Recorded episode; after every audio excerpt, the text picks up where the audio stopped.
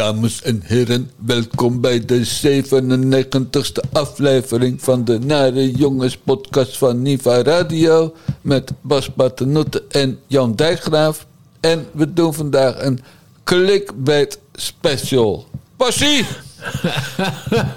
Wat was dat voor accent? Oh man, dat was geen accent. Maar ik zit eh, de, de blaren om mijn tong te lullen al de hele dag. Dus eh, Ja. ja. dan praat je wat minder, minder makkelijk. Oké. Dus ik heb ook even een dutje gedaan voor wij eh, onze studio's indoken te Eestega en Utrecht. Ja, want we gaan lullen over clickbait. Precies, de clickbait special. Nou, laten we eh, jouw successen maar als eerste gaan vieren. Volg van de algemene financiële beschouwingen. Maar voordat we daar echt mee beginnen, er zit nog niemand in vak K, hè? Dus eh, ja, de heer Tony van Dijk, PVV. Nou, ja, voorzitter, want eh, eh, het nieuws eh, springt op eh, internet dat de minister Kaag eh, de fout is ingegaan met de witwasregels. Ik zou eigenlijk een brief willen voor morgen, haar eerste termijn, waarbij ze tekst en uitleg geeft van het dat ze haar zakelijke en financiële belangen in een stichting heeft ondergebracht en verzuimd heeft zichzelf als belanghebbende daarin op te nemen. Dank u wel, meneer Van Het zou, Dijk. goed, het zou goed zijn, voor, als, voor- het hoeft nu niet, maar voordat we morgen beginnen, om een klein briefje te krijgen hoe dat precies zit. Want als, ik, als ik dat doe, dan betaal ik 22.000 euro boete. Meneer Van Dijk, het is helder. We gaan nu niet die discussie aan. U heeft gevraagd om informatie. En dat ga ik doorgeleid naar het kabinet. De minister wil meteen daarop reageren. Zo'n totale goedkope onzin weer. Eh, er is in de brief van de minister-president al bij het aantreden gezegd welke bewindspersonen wat op afstand hebben gezet. En dat het op afstand staat, wordt het via een aangewezen notaris door de landsadvocaat, door het kabinet, wordt het verder afgehandeld. Bij andere gevallen ook, ik ben er één van, is dat door de notaris weggezet in een stichting met drie bestuurders. En die zijn door de notaris aangemerkt als belanghebbende. Kennelijk is dat in de letter van de wet mag dat. In de geest niet. Dus wordt nu door de drie bestuurders gerectificeerd. Maar ik heb er niets mee te maken, juist omdat het op afstand is gezet. Punt. Dank u wel. Laten we deze discussie nu niet hier verder doen. Mijn goede vriend Bas Paternotte werkt zich het hele jaar. Het snot voor de ogen, de blubber, enzovoort, enzovoort. Van eh, s ochtends eh, laat tot s avonds heel laat. Voor de website nieuwnieuws.nl. Hij tikt stukjes, hij tikt stukjes, hij tikt stukjes, hij tikt stukjes... tot hij kramp in zijn vingers krijgt en RSI in zijn schoudergewrichten... en weet ik het allemaal. En wat is het meest bekeken bericht op nieuwnieuws.nl? Ja, want, want, want vergeet niet, ik monteer dus ook nog. En hij monteert filmpjes. En wat is het meest gelezen tussen Baudet apostrofs bericht op nieuwnieuws.nl van het hele jaar 2022? Een filmpje van Kaag die ja, eh, economisch delict heeft gepleegd. Ja, het is echt, het is echt toen het ook gebeurde. de- Het gebeurde tijdens de, de algemene financiële beschouwingen. Dus dat is het eh, debat tussen de minister van Financiën en, eh, en de financiële woordvoerders van alle fracties. Dus Sigrid Kaag versus de rest. En eh, dat, voordat dat debat begon eh, die dag, dat was dus in, eh, in oktober. Toen had RTL Z had ontdekt dat alle, alle, alle ministers en staatssecretarissen... die zetten hun financiële belangen op afstand. Hè. Dat, dat kunnen beleggingen zijn, dat kunnen een vakantiehuis zijn... dat kan van alles zijn. Alleen in het geval van Kaag was daar iets, iets misgegaan. En dat was ook niet heel erg. Eh, haar naam was, had niet, stond niet in een of andere stichting. En, en, en eh, iedereen was. Het was ook duidelijk waar de fout zat. En nou ja, dat, dat, dat moest gewoon aangepast worden. En dat was natuurlijk wel een heel domme fout omdat het, eh, het, het was een bepaalde witwasregel. En ja, dat is gewoon niet slim als minister van Financiën. Ja, Tony Saxofoni, dat is de bijnaam van Teun van Dijk, de financieel woordvoerder van de PVV. Ja, eh, die had natuurlijk dat ook gelezen. Dus die begon erover aan het begin van het debat. En als de mensen de beelden zien, dus die kunnen ze terugvinden op nieuwnieuws.nl. Sigrid Kaag eh, krijgt woedeaanval in vak K. dan zie je Nemmers ontploft letterlijk. En ze Ja. staat ook op en ze, ze, ze, met haar, ze staan met haar vinger te wijzen. En, en, en als, je, als, je, als, als je het fragment ook beluistert, hè, want we hebben, het, we hebben geen beeld in de podcast. Je hoort haar ook de hele tijd op de achtergrond al fulmineren van heb ik jou daar.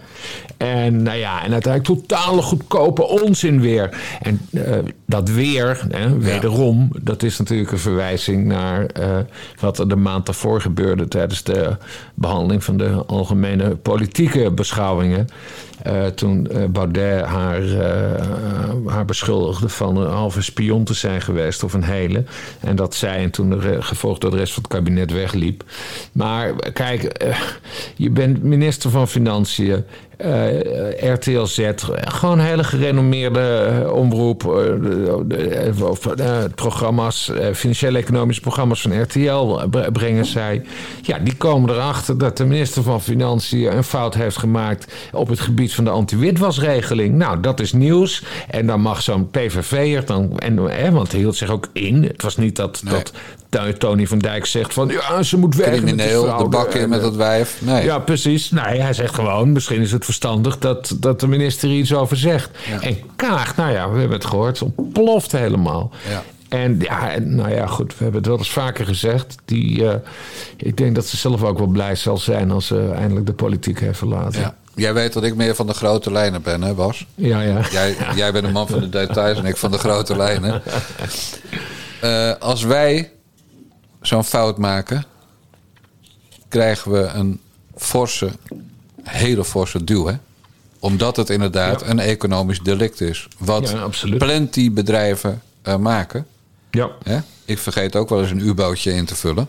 Mhm. Eh, maar zij is notabene de baas van, van de Belastingdienst... Ja. Die, eh, die dat soort boetes dan uit gaat delen. Ja. Of laat delen, weet ik hoe dat werkt. Misschien de Fiat. Maar, maar in elk geval... En het is ook niet zo, daar ben ik niet verantwoordelijk voor. Want het was haar ding. En dan kan ze wel denken te hebben gedelegeerd aan een accountant of een notaris. Ja. Maar ze blijft eindverantwoordelijk.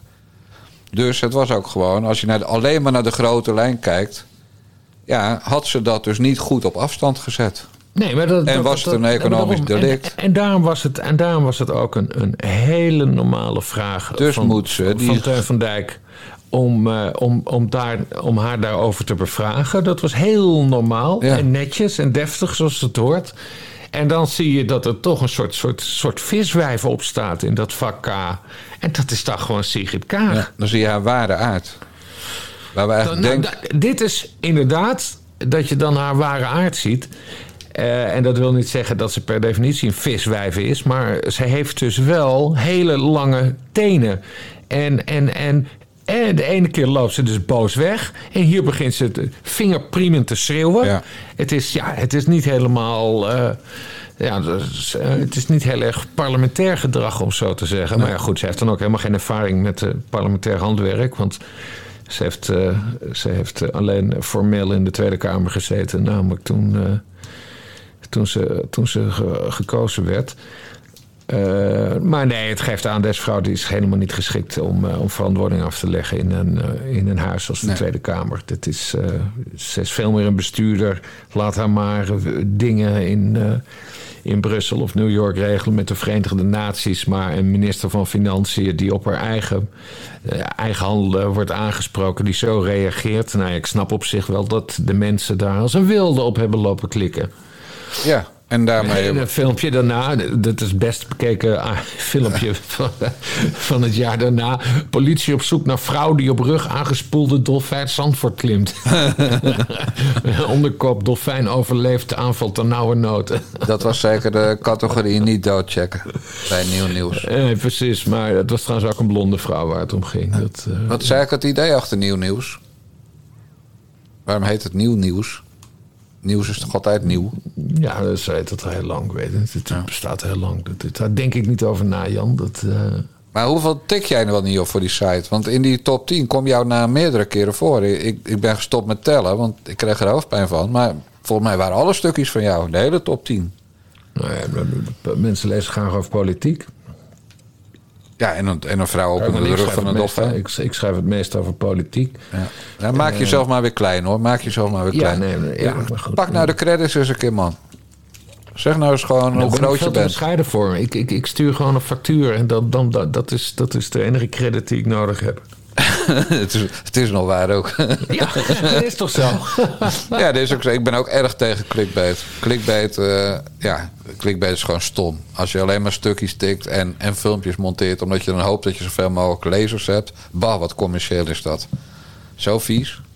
Nou ja, kijk, het is, het is, het is, kijk, dat is het leuke van ons werk natuurlijk. Eh, eh, je ja, nee, eigenlijk, eigenlijk ga ik er veel te diep op in op die manier. Maar het is een stukje creativiteit. Hè. Je kan een grappige kop kun je neerzetten. Kijk, het, het, het is niet allemaal suffige, eh, stoffige eh, NRC-shit die je, die je brengt. En, en, en, en, en, mijn, mijn favoriete ding, wat mijn forte ook altijd al is geweest... is zeg maar van die Haagse gabbelton dingen. Dus Ja. dat, je zo, dat je even... Hè, want dat, dat hele filmpje, dat duurt nog niet eens twee minuten. Maar dat is gewoon keigeestig als je dat tegenkomt. En je monteert het in een, in een poep en een scheet en je zet het online. En, en, en, en je zet het natuurlijk wel in die context. En de context is van, nou ja, en zo was dus een maand daarvoor... was ze dus al weggelopen bij de, bij de algemene politieke beschouwingen. Dus hoe zit dat nou eigenlijk precies met Sigrid Kaag? Dus het, het, het, het is niet alleen, eh, het is niet van... hé, hey, Sigrid Kaag is boos, clickbait. Nee, je, je, we willen ook een beetje... Een Ja, beetje de grote lijn. Precies. Ja, de grote lijn. Precies. ja, liever links. Ja. Maar wist jij nou op 5 oktober 2022 om 14.40 uur 40, toen je op cent drukte... tenminste ik neem aan dat je ook een centknop hebt... wist je nou van eh, dit wordt er een? Dit wordt een, eh, een scorend item? Nee, want dat, dat kun je niet voorspellen. Want ik tik wel, ik tik soms 8, 10 stukjes per dag. Dus dat. eh, Jezus Christus, man. Laat ze het nou bij de kranten maar niet horen, die chefs en die hoofdredacteuren. Want je verziekt de markt, hè? Met zo- zo'n productie. ja. Ja, voor, Ja. voor heel veel mensen, of, of voor eh, sommige journalisten die online werken, is dat schijnbaar niet normaal. Die tikken dan één stuk per dag of zo. En dan zijn ze al uitgeput en heel erg moe. En, eh, en vinden ze het hoogwaardige journalistiek wat ze hebben geleverd. Maar ja, ik weet niet. Maar dat, dat- dat- kijk, het is uit. Het, ik heb ook geen hobby's of zo. Hè. Stukjes tikken is gewoon, dat, dat is mijn hobby. is enige wat je doet, ja. Daar haal ik de meeste lol uit. Ja. Dus ik, maar ik denk er ook nooit zoveel over na. Het is vroeger ook ik, eh, uit roken en zuipen. Maar ja, dat, eh, dat doe je allemaal niet meer. Dus het is het enige nog. Je bent waarschijnlijk meer gaan tikken de laatste weken. Ja, dat, ja, dat ook. Want er wordt, minder, er wordt helemaal niet meer gezopen. Er wordt, niet- er wordt niet meer gerookt. Er is- en die zoute sticks eet je ook niet meer, zo te horen. Sticks eet ik ook niet meer. Dus nee, ik heb het ene, enige waar ik mee kan ontspannen eh, na- naast mijn vrouw is, eh, is, is stukjes tikken. Ja. Ja. En ik heb er veel lol van. Dus dat, maar Ik- genoeg over mij. Ik heb, ook liever, eh, ik heb ook liever dat je dit doet dan dat je bij de Albert Heijn de boel gaat lopen slopen. Hé, hey, maar genoeg over jou, hoezo? Maak ik toch wel uit. Ik, ik doe toch het draaiboek. Ja, Ik zie, Nou. nog, ik zie nog allemaal onderwerpen staan waar jij heel veel goede dingen over kan zeggen hoor, straks. ja nou oké. Ja, ik heb trouwens een heerlijk dutje gedaan voor we gingen opnemen. Doe jij dat ook al, middagdutjes? Nee. Dat is zo lekker. Dat heb ik geleerd van Martien Meiland toen ik daar voor het, voor het boek was. Op dat kasteel. Die ging elke keer na de lunch ging die even een uurtje, half uurtje liggen. Heb ik daar overgenomen. Eh, Mijn eigen kamer, hè, voor alle duidelijkheid. En elke kans die ik heb probeer, om, om een middagdutje te doen, die grijp ik aan. Ja, maar goed, jij en Martien Meiland zijn ook van een iets andere leeftijd dan ik. Dat is waar. Eh, en, eh, en vergeet niet, eh, ik ben dus, zoals de, de betaalde luisteraar weet, in retraite geweest eind vorig jaar. En eh, toen ik terugkeerde uit die retraite, ben ik volledig verkwikt. Dus ik sta Ja. tegenwoordig ook om een uur of zeven of een uur of acht. Maar als ik om acht uur opsta, dan is het al laat. En dan, dan ben ik gewoon de hele dag lekker bezig. Maar wel vroeg naar bed trouwens. Ik, ik, ik, ik, ik lig tegenwoordig al ruim voor middernacht eh, tussen de klamme lappen. Eh, maar nee, middagdutjes, zover is het nog ja, maar niet. ik ben trouwens om vijf uur s ochtends wakker. Hè, dus eh, Ja. dan heb jij nog drie uur slaap te gaan. Dus ik, Ja, eigenlijk ja. moet je over mijn eh, uurtje on- op de elektrieke deken... moet je eigenlijk niet over zeuren dat ik dan een oude man ben, vind ik. Ja, en, en, en hoe laat ga je dan s'avonds weer naar bed? Nou, er zit een verschil tussen hoe laat ik naar bed ga en hoe laat ik slaap. Hoor ik Mhm. altijd van mevrouw Dijkgraaf. Ja, Het is, het is toch wel zes keer in de week dat ze zegt: je lag weer te slapen. En, en dan heeft dat vaak te maken met het feit dat ik sinds een aantal jaren niks meer te vertellen heb over de zepper. Dus zij gaat over de tv en als er iets aanstaat wat maar enigszins mij niet boeit, dan val ik in slaap. Poef, dan is hij weg. Ja, en dat, dat, dat wil wel eens negen uur zijn. Ja, ja. Ja, nou goed, ik vind dat we nu. eh, eh, kijk, wij zijn anti-clickbait. Dus we, wat we nu gedaan hebben, zo'n praatje over eh, elektrieke deken en zo. Daar jaag je de luisteraars wel mee weg, Bas. ja, hey, maar eh, qua clickbait is de allerslechtste eh, medium van Nederland. Het allergoorste medium is VI van Voetbal International. Die zijn nog in staat om na de wedstrijd Nederland-Argentinië, dus na de wedstrijd, een bericht te, te bekoppen met wie won, Nederland of Argentinië? Klik hier. Ja, jezus. Nou, en dan, eh, en dan eh, staat er, nou, Nederland heeft niet verloren, maar klik hier. En dan zie je, Ja. nou, na strafschoppen is Nederland wel, klik hier, uitgeschakeld door Argentinië. Klik hier. En dan gaan ze het bericht. eh, en op elke pagina een aparte advertentie. Ja. En dan, ja, dan kom je wel bij de, best bij de meest bezochte websites van Nederland. Als je het Ja. zo doet. Nou, nummer twee. Qua ruk, qua smerige clickbait is... sinds Hans Nijenhuis daar hoofdredacteur was... het Algemeen Dagblad. Hè, onze goede vriend Chris Klomp... was daar een keer chef eh, eh, criminele clickbait... Ja. Nou, dat was gewoon. Die, die doen bijna hetzelfde. Dus bij een moord is het. eh, is het moord? Vraagteken, klik hier. en dan is het een verkeersovertreding of zo. Nou, en op drie komt, en die is eigenlijk deze week binnengekomen, de Telegraaf. Nou, dan gaan we, gaan we een fragmentje beluisteren. En jij hebt het nog niet gehoord. Althans, je weet niet waarom ik het heb uitgekozen. En ze hebben een scoop over Vladimir Poetin. En ik wil van jou na afloop van het fragment horen wat nou eigenlijk de scoop was. Oké. Дорогие друзья, с 2014 года после крымских событий Россия живет в условиях санкций. Но в этом году нам была объявлена настоящая санкционная война. Те, кто ее затеял, ожидали полного разрушения нашей промышленности, финансов, транспорта. Этого не произошло, потому что мы все вместе создали надежный запас прочности. То, что мы сделали и делаем в этой сфере, все это и направлено на укрепление нашего суверенитета в важнейшей области. Те, кто ее затеял, ожидали полного разрушения нашей промышленности, финансов, транспорта. Этого не произошло, потому что мы все вместе создали Wat was de scoop?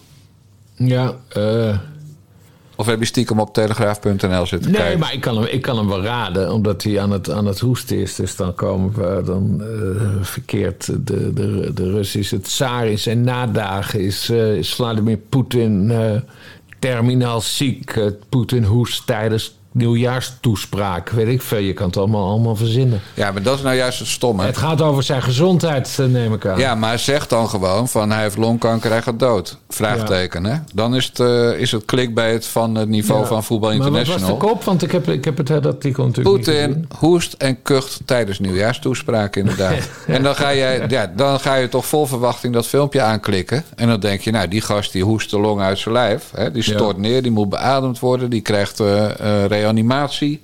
Ja, Maar je hoort inderdaad... Nou, het wa- ik denk dat de luisteraars dachten... wat zit die Bas Paternotte er toch twee keer zachtjes doorheen te kuchen. Snap je?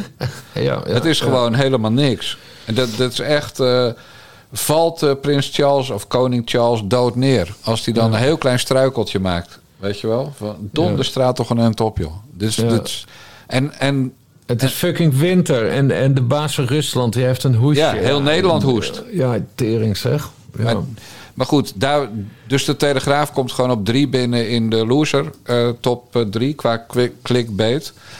Eh, ja, en, en maakt allemaal ook niet uit. Maar ja, wij zijn niet zo, hè Bas. Wij zijn meer van de diepte, de inhoud en de volle breedte. En ook niet van de details. ja, Nee, wij, als er nieuws is, zetten we gewoon nieuws in de kop. En als mensen de rest willen lezen, moeten ze verder klikken. ja, wie ook heel goed is in clickbait, nu we het over Poetin hebben... eh, is, zijn, eh, is zijn Oekraïense collega eh, Volo, Zelensky. Oei, oei, oei, je zei collega, pas nou op. Ja, nou, daar is toch ook president? Ja, maar Poetin wordt niet zozeer als president meer gepercipieerd. Oh, nee, als, als, als woeste dictator of zo. Ja, en oorlogsmisdadiger. En, Ja. en, en je zegt dan collega. Ja. Nee, wat vandaag nieuws werd overal, eh, Ja. dat was wel grappig. eh, eh, Zelensky, die, die, de, de, de, de president van Oekraïne, die heeft gewoon zijn eigen website. Het, het, het, het, het- weet ik hoe dat heet, het bureau van de, van de Oekraïnse president. En daar verschijnen ook berichten. En daar verscheen dus een, een berichtje dat hij had telefonisch overleg gehad met Ursula von der Leyen voorzitter van de Europese Commissie. En eh, ze hadden het gehad over de 18 miljard euro die Oekraïne graag wil hebben. En dat het zaak is dat er alvast 3 miljard van wordt overgemaakt eh, deze maand in januari. En hij vertelde dat eh, eh, het land 15 miljoen door de EU gefinancierde ledlampen krijgt. Hè, want duurzaamheid moet je doen. Ja. En, en verder krijgen, krijgen ze ook nog schoolbussen. En, en we gaan van Europees geld gaan we 74 verwoeste Oekraïnse scholen eh, bouwen. En toen stond helemaal onderaan dat bericht. op de site van de Oekraïense president. oh ja, en we hebben vrijdag 3 februari in Kiev een Europese top. Ja, ja. Oké, dus Kiev, wat continu wordt gebombardeerd, daar gaat een Europese top eh, gehouden worden. eh, waar niemand het over heeft gehad. Althans, ik heb het niet, ik heb het niet gele- Ik weet, er is in februari is er een Europese top. Ja. Over hoe nu verder met Oekraïne en Rusland. Maar eh, volgens mij heeft eh, meneer Zelensky, en dat heeft hij vaker gedaan. hij is heel goed in buitenlandse staatshoofden onder druk zetten. ja. Hij heeft dat namelijk eh, met onze eigenste Mark Rutte gedaan. Dat was nog voordat eh, eh, Rusland was, was binnengevallen in Oekraïne. Even denken, weet jij nog wanneer, wanneer Rusland binnenviel? 24 februari uit mijn hoofd. Oh nee, februari. Nee, dan was het. Nee, wacht. Ik zeg het verkeerd. Ik heb de data nu, nu voor me. De Russen waren Oekraïne binnengevallen. En toen is Zelensky als een wilde gaan twitteren. En hij ging ook bellen en weet ik veel. En toen heeft hij op 8 maart. eh, vorig jaar. eh, talk to Minpress. Dus dat is onze Mark Rutte. Ja.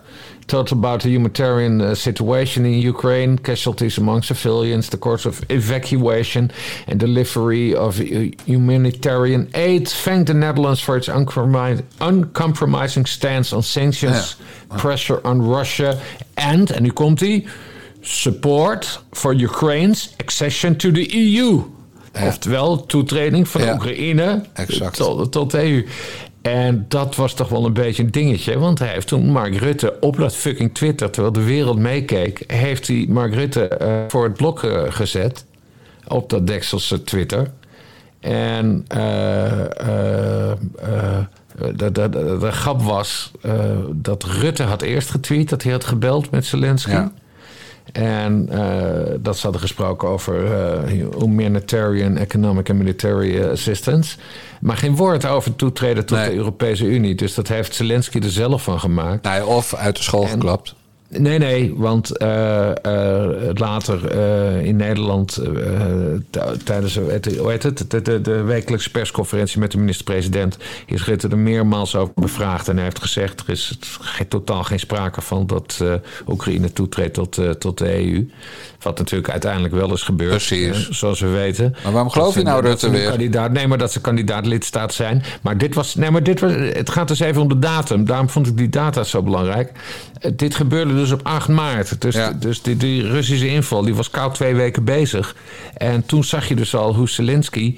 eh, eh, want dit, dit doet hij dus standaard.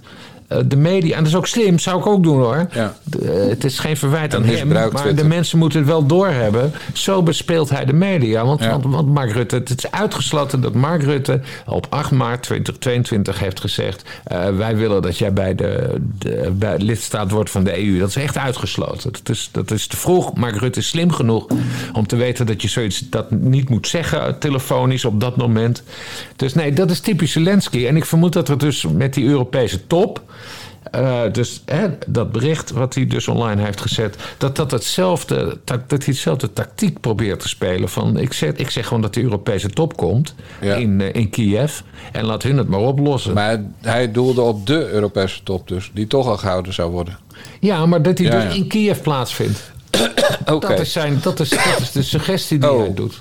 ik ruik hier een kans. Mhm. Ik heb, eh, zoals je weet, één Lada Niva. Ja. Waarvoor het best lastig was afgelopen jaar om aan onderdelen te komen. Mhm. Waardoor die ook een paar maanden stil heeft gestaan. Dus ik wil eigenlijk wel een reserve Lada Niva.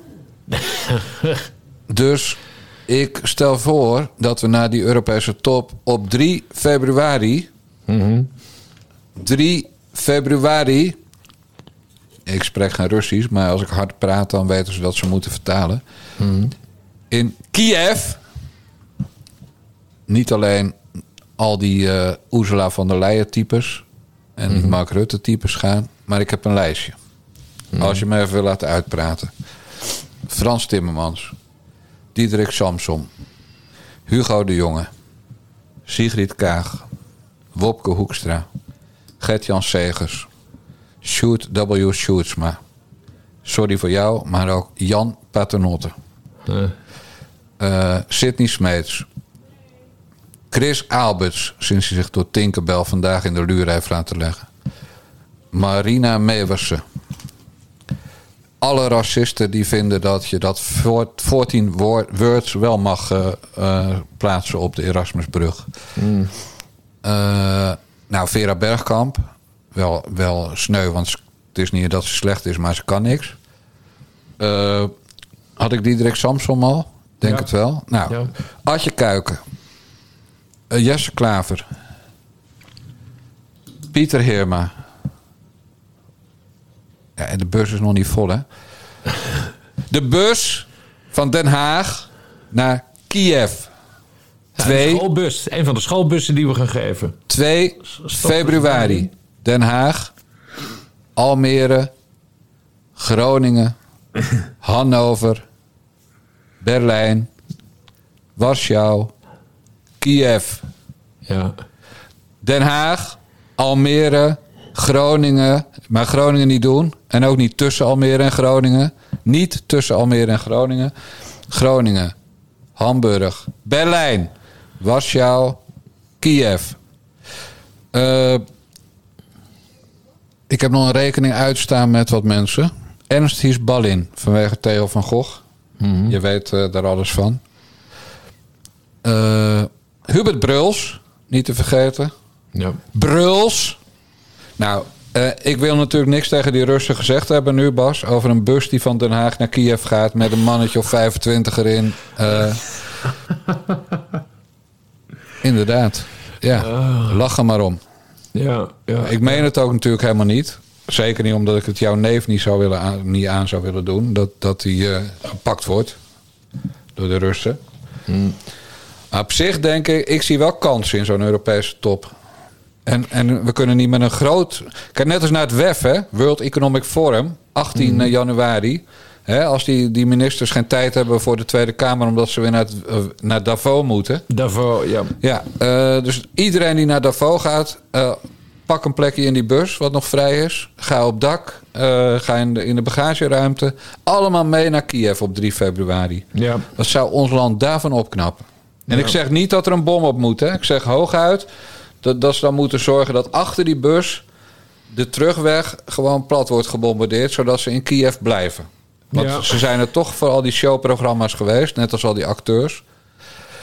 Draaf ik nou door of, of, of Ja, maar- spreek ik nou ben uit? even de link kwijt met je Lada Niva, want daar begon Nou, dan krijg ik een tweede Lada Niva natuurlijk als dank voor de tip.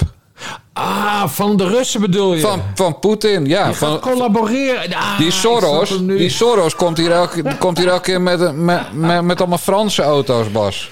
Oh, ik had het helemaal niet door. Maar ik wil geen Franse auto meer. Die Soros kwam laatst met een Renault Espace. Gloednieuw, hè? Maar als je dan gaat kijken naar wat is nou de kwalitatief slechtste auto die er op de wereld rondrijdt, dan is het de Renault Espace.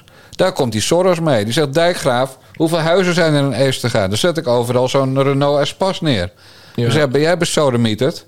En hoe komt het trouwens dat jij zo gierig bent, Soros? Ja, dat ja, dat een Renault Espace, waarom, een, waarom geen BMW? Nee, een Renault Espace, een kutauto gewoon. Ja, En nieuw hè, maar dat maakt niet uit. Maar ja, dan zijn er mensen die denken... ja, dat komt natuurlijk omdat hij Joods is. En ik denk gewoon, nee, hij moet dat geld naar andere goede doelen geven. Dus hij spreidt het een beetje. Ja, Maar ik heb tegen Soros dus nee gezegd. Maar een tweede Lada Niva zeg ik geen nee tegen, Bas. ja, precies. precies. vandaar dat ik af en toe hard moest reserve- praten. En reserveonderdelen erbij. Ja, nee, uiteraard. Ja, reserve, nieuwe onderdelen. Gewoon een halve fabriek. Het blijft een Lada. Nee, maar daarom, daarom, daarom wordt het e- echt wel spannend hoor. Of de, of de Europese top überhaupt doorgaat in Kiev. Ze zouden wel gek zijn, man. Nee, maar dat, dat is een beveiligingsoperatie. Ja. Van heb ik jou daar. Dus het, het- ik vind het, nee, het is uitermate dom. Maar hij heeft weer de aandacht. En nu zijn we weer terug bij het thema. Zelensky is in dat opzicht best Koning wel een clickbait. clickbait koning. Koning van de clickbait. Ja. En even voor nu de AIVD-mannetjes op me afstuurt. Ik krijg nog wel mijn dossier trouwens. Dat heb ik op 29 augustus aangevraagd. En ik heb nog steeds niks. Nee. Maar dit was natuurlijk allemaal maar een grappenderwijs, grollenderwijs. En ik meende er geen pers van. Eh, maar omdat Poetin nu, als hij het van Zelensky niet had gelezen, nu van mij heeft gehoord. Geen Europese top in februari in Kiev. Het slaat helemaal nergens op. Het is weer het zoveelste show, show dingetje van de acteur Zelensky. En ik ben daarmee geen Poetin-versteer of zo. Verre van. En die Lada heb ik trouwens ook gewoon heel veel geld voor betaald. Meer dan die nieuw heeft gekost. En hij is 42 jaar oud. Veel meer dan die nieuw heeft gekost. Het drie dubbele. Het bijna duurzaam moeten maken.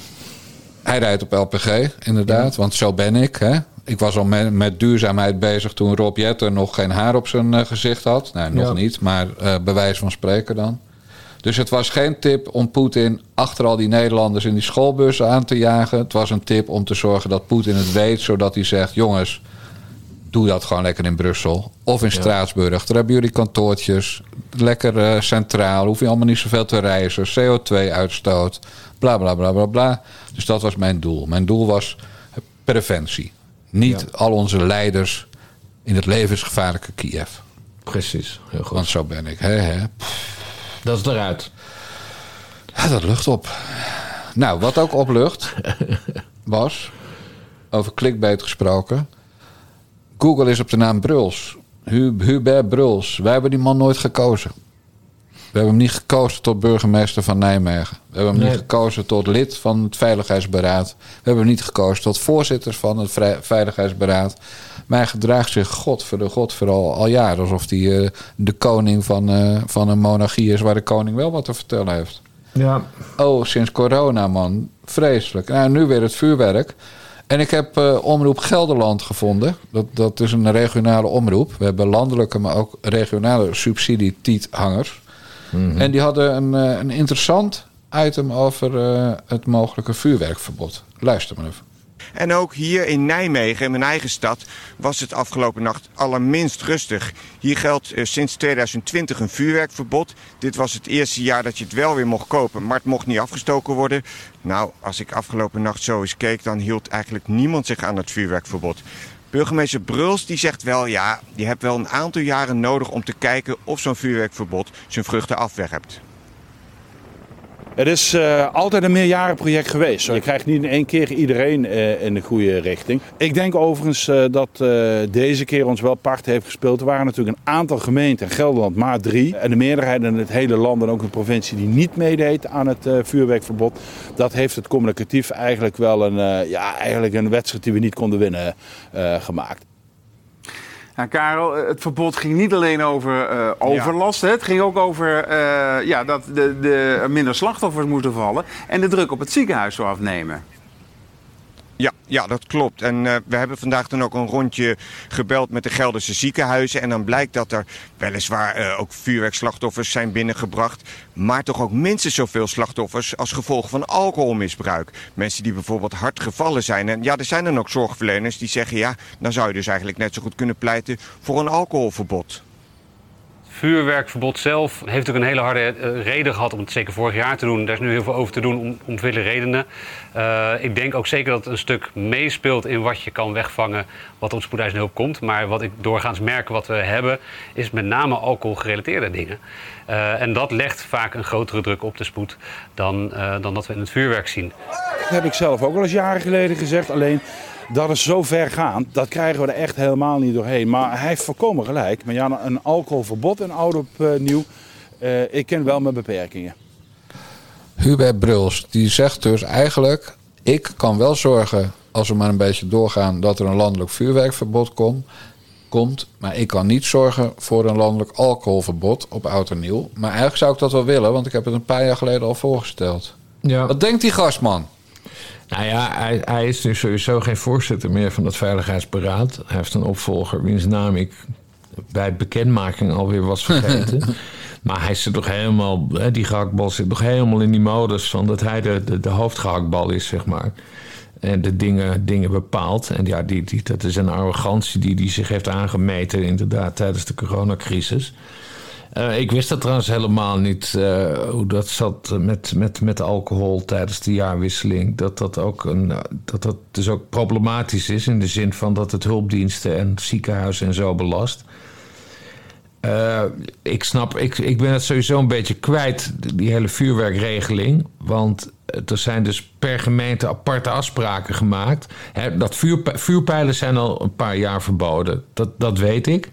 Maar grondvuurwerk of siervuurwerk, dat mag wel. Maar nu begrijp ik dat je in Nijmegen dus wel vuurwerk mocht kopen, maar niet mag afsteken. Zaadgemeente was dat, ja. Wat is dat dan weer voor. Welke idioot heeft dat dan weer bedacht? Ja. Dus, nou, maar, eh, eh, je mag het wel kopen, maar niet afsteken. Wat moet je er dan mee doen? In, in, in huis bewaren. Nee, je gaat dat het op dag ontploft. Je gaat bijvoorbeeld in familie, uh, naar familie in een aanpalende gemeente met oud en nieuw. Om, om daar de oliebollen op te eten. En dan heb je vuurwerk bij je. Dus dat, er zal best wel een juridische reden zijn waarom ze dat niet hebben aangepakt, die verkoop. Maar het is ook gelul dat, dat ze zeggen als het niet overal geldt, een, een afsteekverbod, dan kunnen we niks. Dat is gewoon echt bullshit. Want je hebt gewoon in elke gemeente een APV, Algemene plaatselijke verordening. waarin om eigen regeltjes staan. In de ene gemeente mag je wel tegen de kerk aanpissen en in de andere gemeente niet. Dus dat zijn dingen die buiten het wetboek van. Uh, uh, buiten de wetboeken vallen. Heb je nog een, eigenlijk een plaatselijk wetboek, die APV. En als er in Nijmegen geen vuurwerk mag worden afgestoken, dan heeft de politie het volste recht en ook de BOA's om iedereen te bekeuren die op die tijdstippen dat het niet mag wel vuurwerk afsteekt. Alleen, het is natuurlijk helemaal niet te handhaven. En Nijmegen is nog een dorp vergeleken met Amsterdam en Rotterdam. Waar het natuurlijk ook een gekhuis was. Maar, maar wat, wat, ik, de, wat ik eigenlijk het meest opmerkelijk uit dit fragment vond. Want de man die je voor Bruls op het eind uh, hoorde spreken was een arts. Mhm. Het gaat de dagen voor en na oud en nieuw altijd maar over dat vuurwerkverbod. Wat, uh, wat zeg maar, de Partij voor de Dieren, en daar snap ik het van. En GroenLinks en inmiddels D66 ons door de strot willen duwen. Ja maar de waarheid is dus uh, dat, dat, dat we wel te zien krijgen... kind van zeven verliest hand en oog. Ja. Maar dat we niet te zien krijgen wel, welke gevolgen al dat alcoholmisbruik met oud en nieuw in de ziekenhuizen hebben. En dat een arts dus zegt, ja, maar dat is veel erger. Ja. Dus het is net als ademen, daar kan je ook dood van gaan. En autorijden kan je ook dood van gaan. Dus als jij het risico wil lopen om dat te doen, uh, dan moet je dat gewoon lekker doen. Nou, dan is het punt met vuurwerk natuurlijk dat het vaak omstanders zijn die de sjaak zijn. Ja. Nou, als boerenlul die gewoon liever binnen blijft om 12 uur op oudejaarsavond, zeg ik, je hoeft er niet bij te gaan staan. Dat is één. Maar het tweede is, tussen al die politiemensen en die burgemeesters en die politici die zeggen verbieden, verbieden, verbieden, was er ook een politieman, ik ben helaas zijn naam kwijt, die een voorstel had waar ik wel wat in zag. En dat is, verbied gewoon al het illegale vuurwerk. Ja. Dus, oh nee, behandel het als verboden wapenbezit. Illegaal ja, nee, vuurwerk. Dat, was het, dat zei vuurwerk Ja, dat is al verboden. Ja. ja. Behandel het als verboden wapenbezit. Nou, dat vind ik gewoon goed. Ik bedoel, ik heb hier dat jachtgeweer staan... voor als mensen hier op de oprit vervelend komen doen. Maar mij pakt de politie toch niet... want de politie is mijn beste vriend. Dus ik kan dat jachtgeweer gewoon in de strijd gooien. Dan komen ze echt niet vragen, heb je het echt? Ze weten gewoon hoe het zit. Ja.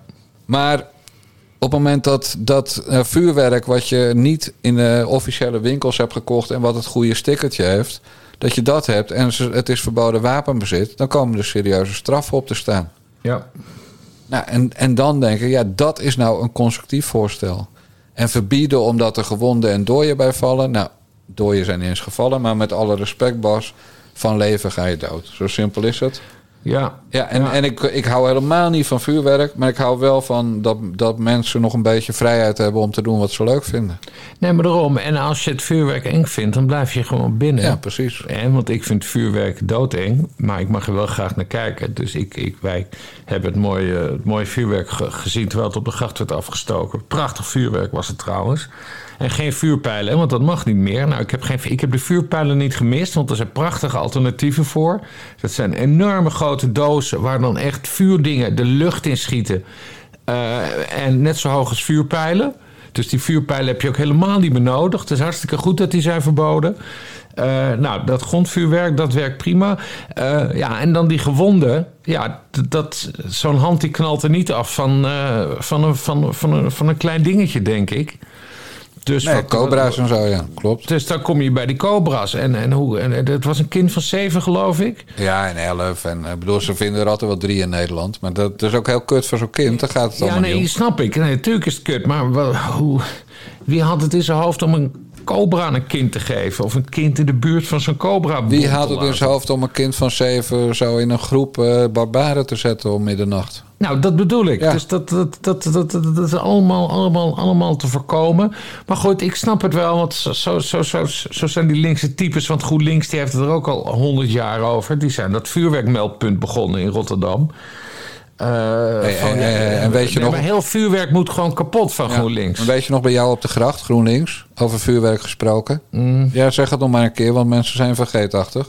Jesse Klaver, kantoor, per- kantoor van GroenLinks. Ja, dat kantoor eh, van, de- van, de- van de jonge organisatie dwars hier, hier een paar huizen verderop, waar toen een bom werd gevonden, ja, over vuurwerk gesproken. Hij was toen secretaris hè, van de hele club.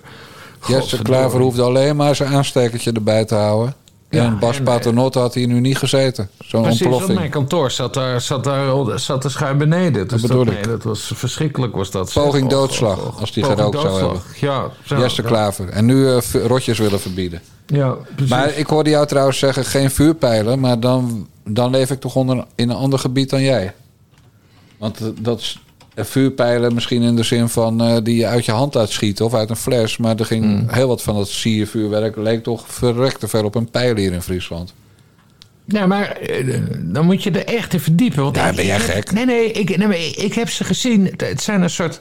Het zijn enorme kartonnen dozen. Ze zijn nou nog niet eens 30 centimeter hoog. Daar, Oh, daar schiet, schiet dat wat uit. Ja, ja. om de lucht in. En het, zijn, het, zijn, het, het heeft het effect van een vuurpijl. Het is prachtig. Ja, ik sliep al, dus vuurpijlen. Ja. Want vuurpijlen die, die zijn niet meer te verkrijgen legaal. Ja, ik val door de mand, ik sliep al. Ik was in slaap gevallen om, twi- om 20 over 10. Op, je, op je elektrische deken. Nee, gewoon in de woonkamer. Maar 20 over 10 stond de Septe, de Thea naar Nederland 1, NPO 1. En toen ben ik in slaap gevallen. Ja. Dus alles wat ik heb gezegd over de oudejaarsconferentie van Claudia de Brij... kwam ook uit mijn dikke duim, zoals je weet. Ja, ja, Die, hebben we, die hebben we zondag besproken in de moskee voor de luisteraar. Ja, en- Vertel eventjes hoe mensen dat kunnen beluisteren. Want dat, eh, want Nou, dat is de gratis Dan gaan die mensen naar internet, waar ze altijd op clickbait zitten te klikken. En dan klikken ze dus een keer niet op, op die domme clickbait dingen, maar dan klikken ze op de en de e en de t en de j en de e en de a en de f en dan een punt. en dan c o o m schuine streep van linksonder naar rechtsboven. N a r e j o n g e n s. Oftewel petjeaf.com slash naar de jongens. Enter. Dat is die toets met dat rare pijltje van Nieuwe Alinea, dat ding. Enter. En dan eh, betalen ze 4 euro per maand of 40 euro per jaar. En dan eh, worden ze abonnee van de Nare Jongens podcast Extra's. En dan krijgen ze één keer in de week een Bellen met Bassie podcast erbij. En op zondag altijd de kerkdienst, ecumenische kerkdienst... uit de Bassie en Jan Moskee in Utrecht. Waarin we wat meer de diepte ingaan. Met God en Allah en eh En alles. Jomanda. En eh, we zitten nu bijna op duizend petjes. En bij duizend petjes gaan we in Friesland ook nog een event organiseren. Exact, waarvoor Bas Paternotte heel hard Gordon aan het benaderen is als hoofdgast. Want wij gaan dit jaar Gordon weer groot maken. Make Gordon great again. We hebben al van die rode petjes met MGGA. Ja. Eh, En, en eh, Donald Trump die schijnt later dit jaar ook aan te haken met zo'n petje, maar die heeft dan misdruk. Eh, die heeft de eerste G door een A vervangen. MAGA staat er dan bij hem op. maar dat is fout. Dat is MGGA. Make Gordon Great Again. Want Ja, Gordon precies. zit een beetje in het verdomhoekje. En daar hebben wij in alle eerlijkheid ook best wel aan meegedaan. Hij noemde mij bijvoorbeeld niet voor niks een strontvlieg. Maar dat gaat hij terugnemen. En al doet hij dat niet. Hij treedt op op ons event. En als we duizend petjes hebben, dus duizend abonnees. Ja, dan eh, gaat het grote feest beginnen. En dat is in Ja. de Alpaca-wei te Eestega. En dan mogen de mensen ook alpakas gaan aaien. En we nemen een Eentje. podcast op met, Ja. eh, podcast op met publiek. En Gordon zingt. En, en, ik iedereen ga krijgt één drankje. Thee schenken. Ja. Nee, en, en biertjes, maar niet voor zichzelf. Maar niet voor mijn eigen. Nee, precies. Dus dat wordt super mooi. Duizend petjes. We zijn er bijna. Mensen gaan naar. We hebben er 915, maar we moeten ook nog een keer opschonen... omdat ook de losse donateurs er nog bij zitten. En het- dit gaat natuurlijk om 1000 abonnees... die eh 4 euro per maand of 40 euro per jaar betalen... via petjeaf.com slash nare jongens. Ja. Maar waar hadden we het over? Vuurwerk? Of ben je het alweer zat? Nee, vuurwerk hebben we gehad. We gaan Nou, het dan gaan we nu naar het we gaan hebben hoogtepunt. sport. Ja, we gaan... We gaan eh, sporthoekje. Ja, precies. Eh, want we gaan vanavond, het is nu dinsdag, we nemen dit op dinsdag op en zenden dit tegenwoordig op dinsdag uit. Vroeger zei hij altijd, we nemen dit op dinsdag op en we zenden het op woensdag uit. Maar Ja. we doen het meteen. Want vanavond is het eh, grote moment daar. Een, een beetje het idee dat jij op cruise control eigenlijk richting die eh, titel gaat. Wie gaat jou nog stoppen? Als het, goed, als het goed is niemand, maar moet ik iedere dag weer laten zien hè, dat, ik, dat ik gewoon beter ben dan iedere tegenstander. En morgen staat eh, Dimitri op menu en eh, ja, die moet morgen slachten. Wij denken allemaal dat jij hier de titel gaat winnen. Eh, de, de, de wetkantoren denken het. Is dat een gevaar ook? Natuurlijk is dat een gevaar, maar daarom moet je zorgen dat, dat alles klopt. En dat je niks aan toeval overlaat. En daar ben ik zeker mezelf van bewust. Maar we, zover zijn we nog niet. Eh, morgen is weer natuurlijk een nieuwe dag, nieuwe kansen, nieuwe prijzen. En eh, dan, dan moet Dimitri eraan gaan geloven. Ik vind het allemaal leuk voor Belgisch darts, maar ja, nu is het genoeg geweest. Hè? Ik weet nog wel in mijn jeugd, hè. Dan werden die jongens van de langzame leerschool... die werden gewoon naar de sociale werkplaats. Die zaten op bijzonder onderwijs, hè. Langs, Mm. en, en die werden dan later, als ze gingen werken... werden ze naar de sociale werkplaats gebracht met een busje. Zo'n taxibusje. Sommigen werden dan vastgebonden... terwijl de gordelplicht toen nog lang niet gold. En tegenwoordig kunnen die gewoon wereldkampioen darts worden. Ja, hij heeft een, eh, hij heeft een apart stemgeluid, die Michael eh, van Gerwen. Ja, zo kan je dat ook zeggen, ja. ja, ja. Maar hij, staat, eh, hij is de favoriet hè, voor de een of ander nu. 100% ja. Bij de bookmakers, als je geld wil verdienen... moet je niet op hem zetten vanavond. Ja. Dan moet je op zijn tegenstander, van wie ik even de naam kwijt ben, maar dat maakt ook niet uit, want die, die gaat. eh die gaat dan wachten, wachten. Oh, Ja. ga op het menu. Maar nee, maar eens even zonder dolle. Ik, eh, ik ben dus helemaal gek van die sport. Dat darten. Mhm. Ik keek altijd, hè. Eh, omdat het gewoon, ja, het zijn, zijn persoonlijkheden. En dat bedoel ik niet louter positief. Maar het is natuurlijk onwijs knap wat die lui kunnen. Om, om zo consequent in zo'n kleine ruimte dat kutpijltje te gooien. Zeker als Ja. je ziet de boog die die dingen maken. En dat urenlang en geconcentreerd en noem maar. maar. En soms zelfs met drank op. Hè? Barney eh, dronk vroeger bakootjes altijd voor de wedstrijd. Maar ze- Ja, om, rust, om rustig te blijven. Precies. Aan al die buiken zie je dat er wel meer zijn die, eh, die van een drankje houden. Ja. Maar het- ik vind het gewoon raars knap. Dus ik keek altijd. En nu is vanavond eindelijk weer een Nederlander in de finale. Michael van Gerwen. Hè, Van de keukenkampioen. Eh, of van keuken, van de keukenboer als hoofdsponsor. Ook dat is weer zo typerend. En ik heb nog geen minuut darts gezien dit jaar. En waarom niet? Omdat het bij dat kut via Play zit. En daar heb ik geen abonnement op. Jij wel? Ah, het zit bij Viaplay. Ja, heb jij dat? Nee ik, nee, ik kijk sowieso nooit darts. Het interesseert me helemaal geen zak. Ik heb, ik heb natuurlijk een heel klein beetje gevolgd. Kijk, waar is Dart? Wie heeft Dart naar Nederland gehaald? Raymond van Barneveld, Ray.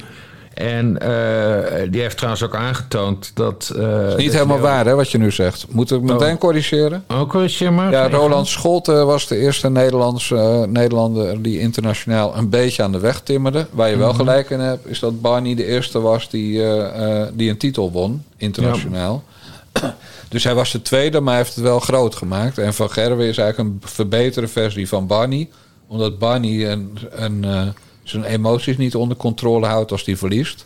Ja. En, en Michael van Gerwen eh, praat er zelf de debiele taal... of hij nou wint of verliest of helemaal geen potje heeft gespeeld. En waarom? Nou, Van Barneveld was ook e- e- echt... En hij speelt trouwens nog steeds. Want hij- dit, ja. dit, dit is het WK en hij heeft er ook aan meegedaan. al lag heel vroeg uit. Eh, maar die, die Van Barneveld... eh, nou, één, hij is natuurlijk wel miljonair mee geworden. Twee, het heeft zijn huwelijk gekost, meen ik. Want Drie, ging hij moest 60% van zijn vermogen aan die vrouw geven. Ja, en, eh, en hij bleek dus met een serieus alcoholprobleem. Nee, dat was zij. Wat, wat- Dat nee, was maar zij. hij ook. Hij Nee, ook dat, ja, wel, want ik weet nog dat hij ook stopte met drinken. En opeens was de meneer 40 kilo afgevallen. Maar hoe weten we dat allemaal? Omdat hij dat zelf heeft verteld. En dat vond ik dus zo sympathiek altijd aan, aan Raymond van, van Barneveld. En dat zijn altijd van die mooie vogels. Ik weet ook nog, dat was ook zo'n Hagenees. eh, de Lucifer of de Spijker. We- we- we- weet je, die hele dunne met die bril. Hij was tramchauffeur. Zeg jij nou dat Kousapij een Hagenees was? Of is het een Rotterdammer? Amsterdammer. Amsterdam. Was hij Amsterdammer? Ja. Oh mijn god, ik dacht dat het allemaal Hagenezen waren.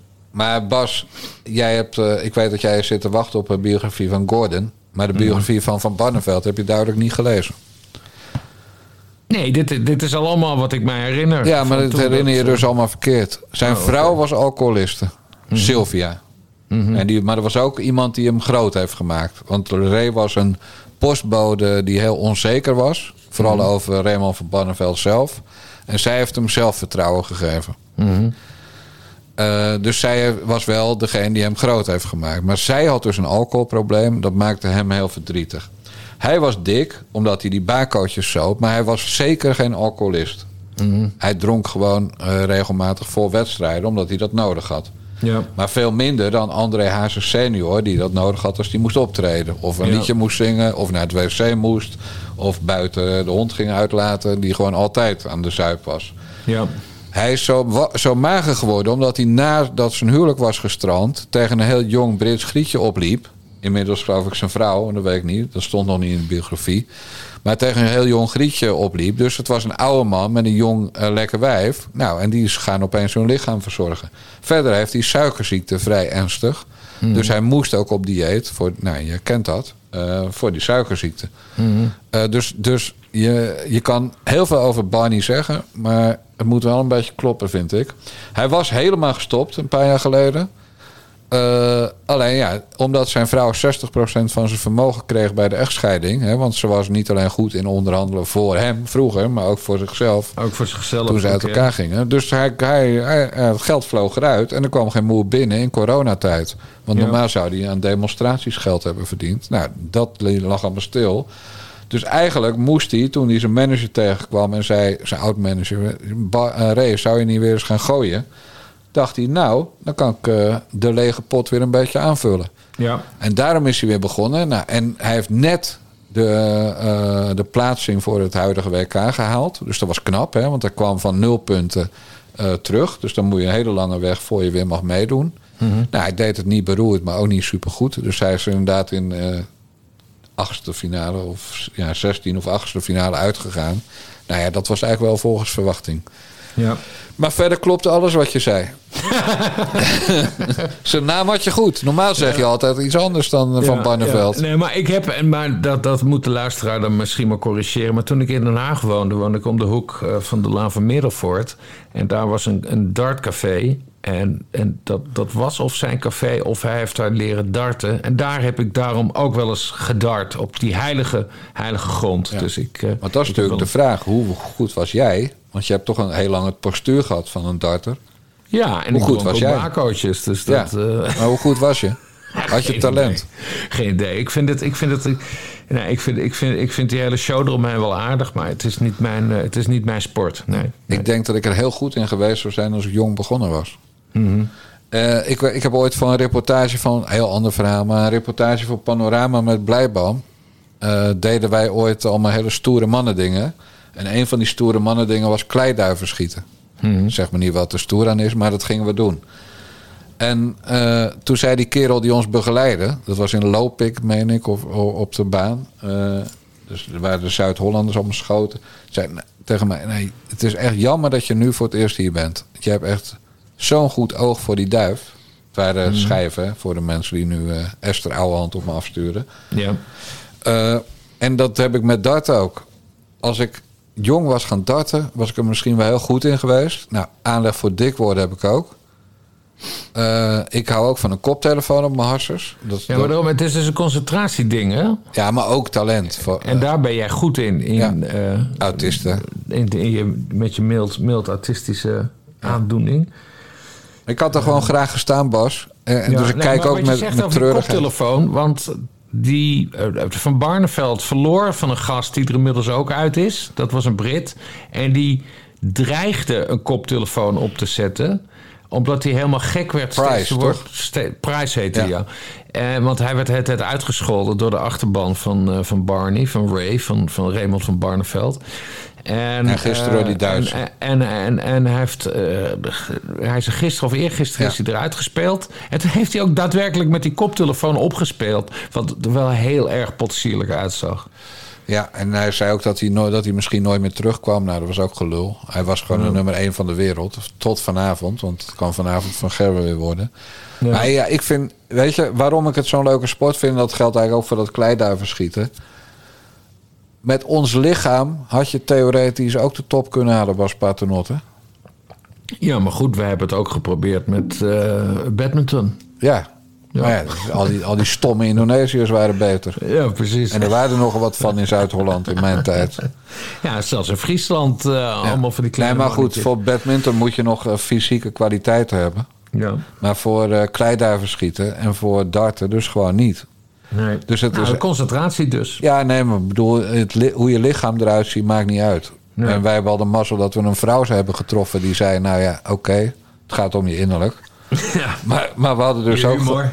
Ja, wij hadden dus ook gewoon wereldkampioen das kunnen worden op 3 januari 2023, Bas Paternotte, als het anders was gelopen in ons leven. Ja, maar dan was het wel heel erg anders, anders gelopen. Ja, dat wel. Want ik was geheid de fout ingegaan met al die, met de, met al die Bacardi Colas. Dat, eh, Ja, ik, ik was met niks de fout ingegaan.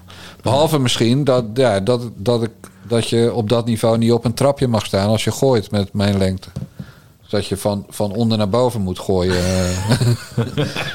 tenslotte ben ik maar een centimeter of tien langer dan Sander Schimmelpenning. Ja, ik zit te denken, is er niet een speciale klasse voor verticaal uitgedaagd eh, bij, eh?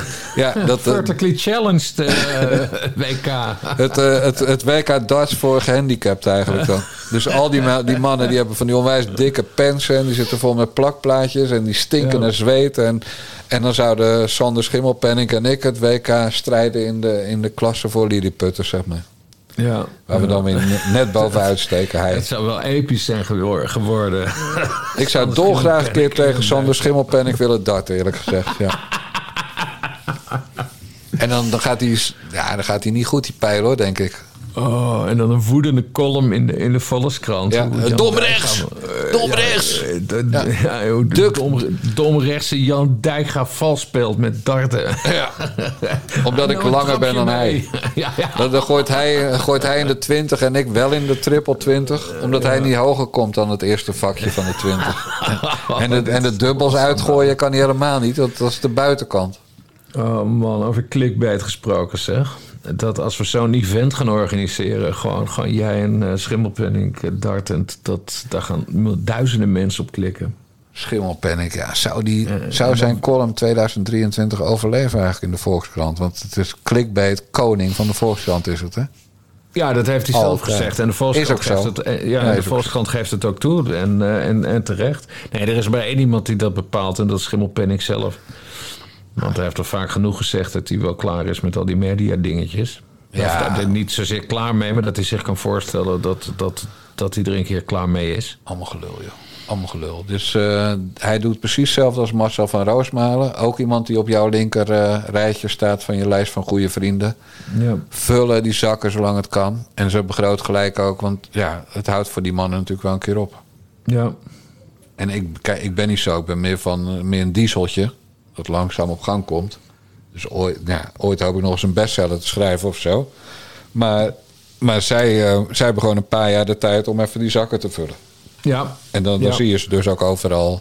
En dan, dan doen ze, maken ze reclame voor allemaal banken en dat soort dingen. En dat, zelfs mijn goede vrienden trappen er dan in. Die gaan dan beleggen bij zo'n bank. Het is geen bank, het is een pensioenvoorziening. Die gaan dan bij een bank een pensioenvoorziening afsluiten. Want die denken, nou nee, die bank die doet dat allemaal om niet. Die, die, eh, die wil er geen winst op maken. Nee. Hoe heet die bank ook alweer? Ja, nee. nee, nee, dan, eh, Weet je dat wij ruzie hebben met de Bunkbank trouwens? nee, maar wacht even. Op het moment dat je het vraagt, ben ik het kwijt. Dus Ja, nee, ik, ik, weet, het, ik, weet niet, hoe- ik weet niet hoe het heet. Ik wil natuurlijk niet dat je Hoezo hebben wij ruzie met de Bunkbank? Nou, de Bunkbank die stuurde mij een bericht. Wij hadden laatst onze donaties eh, daar verdeeld. Hè? Want er, er lopen ook nog wat donaties voor de Ja. Naar de Jongens podcast. Die hadden wij verdeeld. Dus we hadden allebei, ik geloof, 1000 euro had ik naar, naar jou en naar mij overgemaakt. Mhm. En toen kreeg ik van de Bunkbank een bericht... u moet een zakelijke rekening afsluiten in plaats van privé. Want u gebruikt die rekening anders dan voor dagelijkse aankopen. Ja, dat klopt. Want 1000 euro naar Bas Paternotte overmaken is niet een half brood, een halfje wit en, en, en een pakje Nee. boter en, en, en achterham.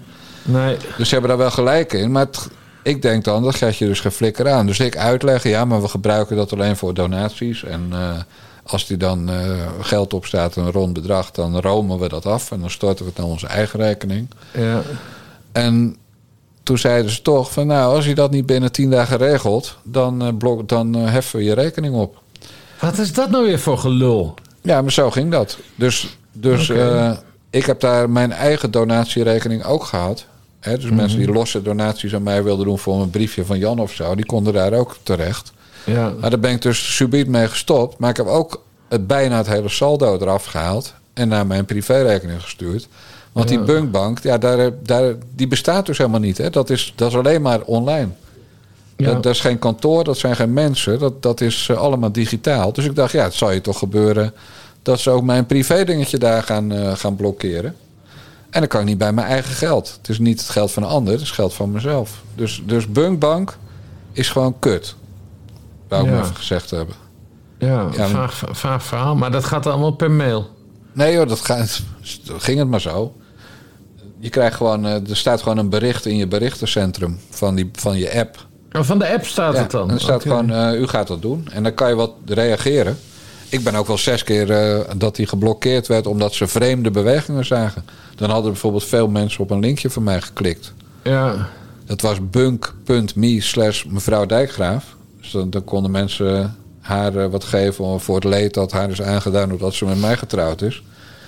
En eh, dan werd er veel op dat linkje geklikt en dan, eh, hup, dan werd hij weer geblokkeerd. En dan moest ik weer uitleggen, ja, maar dat zijn donaties voor mevrouw Dijkgraaf. Die is met mij getrouwd. Ze zegt nooit dat ze spijt heeft, maar ja, af en toe kijkt ze me wel aan dat ik denk, nou, die heeft spijt. Maar het is toch al, eh, ja, het is gewoon 36 jaar in maart. Ja. Dat is best lang. Maar, en dan wil zo'n zo'n computer, zo'n chat mevrouw van Bunk of meneer... wil dan wel hand over het hart en je rekening wordt weer opengezet. Maar dat voelt gewoon kut. Ja. Kijk, bij de Rabobank en ING kan je geval nog naar een kantoor. Inmiddels op heel ver van je huis, maar je kan nog naar een kantoor. En dan trek je zo'n zo, zo'n sloerie over de balie. Hè, bij de Ja. Rabobank. Speak heeft iemand 50 euro gedoneerd, zie ik nu. Nou, dat is heel goed. Dat is grappig. We krijgen dus nog wel geld binnen. Ja, maar wel, eh, wij hebben het natuurlijk nu eh, allemaal via petjeaf.com slash naar de jongens lopen. Eh, ja, dat wel. Nee, dat is maar dan komt speak. Nee, maar ik kijk nu op de Bunk-app Ja. en iemand heeft vandaag 50 euro gestuurd. Ja, dan kan je toch zien hoe, hoe telepathisch het allemaal werkt. Hè? Want we Ja, nemen dat dit is dus op, we moeten het nog Ja, uitzenden. we moeten, maar, we moeten maar nog online zetten. We hebben het erover en eh, het geld stroomt binnen. nou, er zal weer van Bunk een bericht komen. 50 euro, eh, dat is niet om jullie boodschappen te kopen. Dus, Nee, dat ze het gaan vorderen. exact. Dit is geen goede klik. Oh ja, wat, wat ze zouden doen trouwens, Bas, dat is grappig, dat vergat ik. Mhm. Als zij zeggen van wij vinden niet dat je op een goede manier aan je geld bent gekomen, Mhm. dan storten we het terug. Naar alle mensen die geld gestort hebben. Dat was het bericht. Oké. En mijn privérekening, dat waren dus van jaren opgespaarde donaties. Die ik daar had. Dus dat ging om een serieus bedrag, wat ik inmiddels naar onze privérekening heb overgeboekt. Maar, maar dat, dus, dus zij gaan dan even zeggen: ja, je hebt dat geld wel gekregen omdat mensen dat aan je wilden geven. Maar wij gaan het gewoon lekker terugstorten, vriend. Dat is De toch beangstigend hoeveel macht die lui eigenlijk hebben. Maar daarom, als jij het, als ik zeg van nou, contant geld is zo gek nog niet. En jij zegt dat gezeik over cont- contant geld. Het gaat echt helemaal fout hoor met het geld. Althans Ja. met onze zeggenschap over ons eigen geld. Nou ja, daarom is zo'n bunk, dat, dat, dat vind ik enger dan mijn eigen bankier. Ik bankier al, al 100 jaar bij de, bij de ABN AMRO Bank. Maar als de, als de nood hoog is, van eh, ik kom ergens niet uit of zo, dan krijg ik uiteindelijk altijd iemand aan de telefoon. Hè? Want elke bank wil het liefst alles digitaal af, eh, afwerken. Maar als ik gewoon een keer echt iemand nodig heb, dan krijg ik iemand aan de telefoon. Nou, dat is gewoon heel prettig. Hè? Ja. Ik- Soms is het gewoon nodig dat je even iemand aan de lijn hebt. Omdat je, je kan het wel via een keuzemenu of wat ik veel allemaal proberen. Maar dat, je kijkt ergens overheen of je hebt een hele specifieke vraag. Dat werkt. Maar bij die bunklui, die, die zijn dus niet eens te bellen, want ze hebben geen kantoor. Nee, nou, dus er is natuurlijk wel een kantoor, alleen je kan het niet bereiken, want je hebt er geen Nee. nummer van. Kijk, dat is inderdaad wat jij zegt. Bij ABN AMRO zeg jij gewoon... ik ben Bas Paternotte, als je daar aanbelt. Ik ben bekend van een- bepaalde actie bij Albert Heijn in Utrecht. Ik zou maar gewoon die deur open doen, vriend. Anders trap ik hem open. En dan, dan, kan je, ja, dan kan je twintig stoere, sterke eh, Marokkanen op me afsturen. Maar Bassi Paternotte komt gewoon binnen, want het zijn zijn eigen centjes. Ja, nou, Zo mijn, verhouding met ABN AMRO is anders, maar oké. Nou, oké, het is heer Paternotte, gaat u zitten. Heeft u Ja. de sleutel en de code bij u van uw, van uw kluis? En Ja. welk horloge wenst u vandaag te dragen? Ja, en dan halen ze je uw horloge eruit. Ja, dat is stuk jouw... Maar ja, ik kom uit een arm gezin. Ik ben- Ik ben een timmermanszoon uit Bergambacht. Net als Wim Kok. Maar ja, dat, vroeger was hij daar trots op. En nu denk je, ja, Wim Kok, Jezus. Die heeft eh, Frans Timmermans en Diederik Samson gecreëerd. Ja.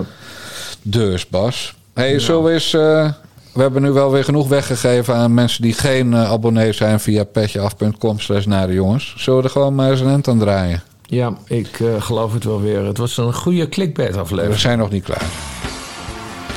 Want Bas de Bas Paternotte volgens goed gebruik eren wij onze nieuwe abonnees wekelijks. En dat zijn deze week Ruud, Rob, Wijnand, Johannes, Rogier, G.K. Kees, Karin, Luc, Joyce, Bernadette, Gerard, Jacques, Bas, Stef en Woefie. So she licked me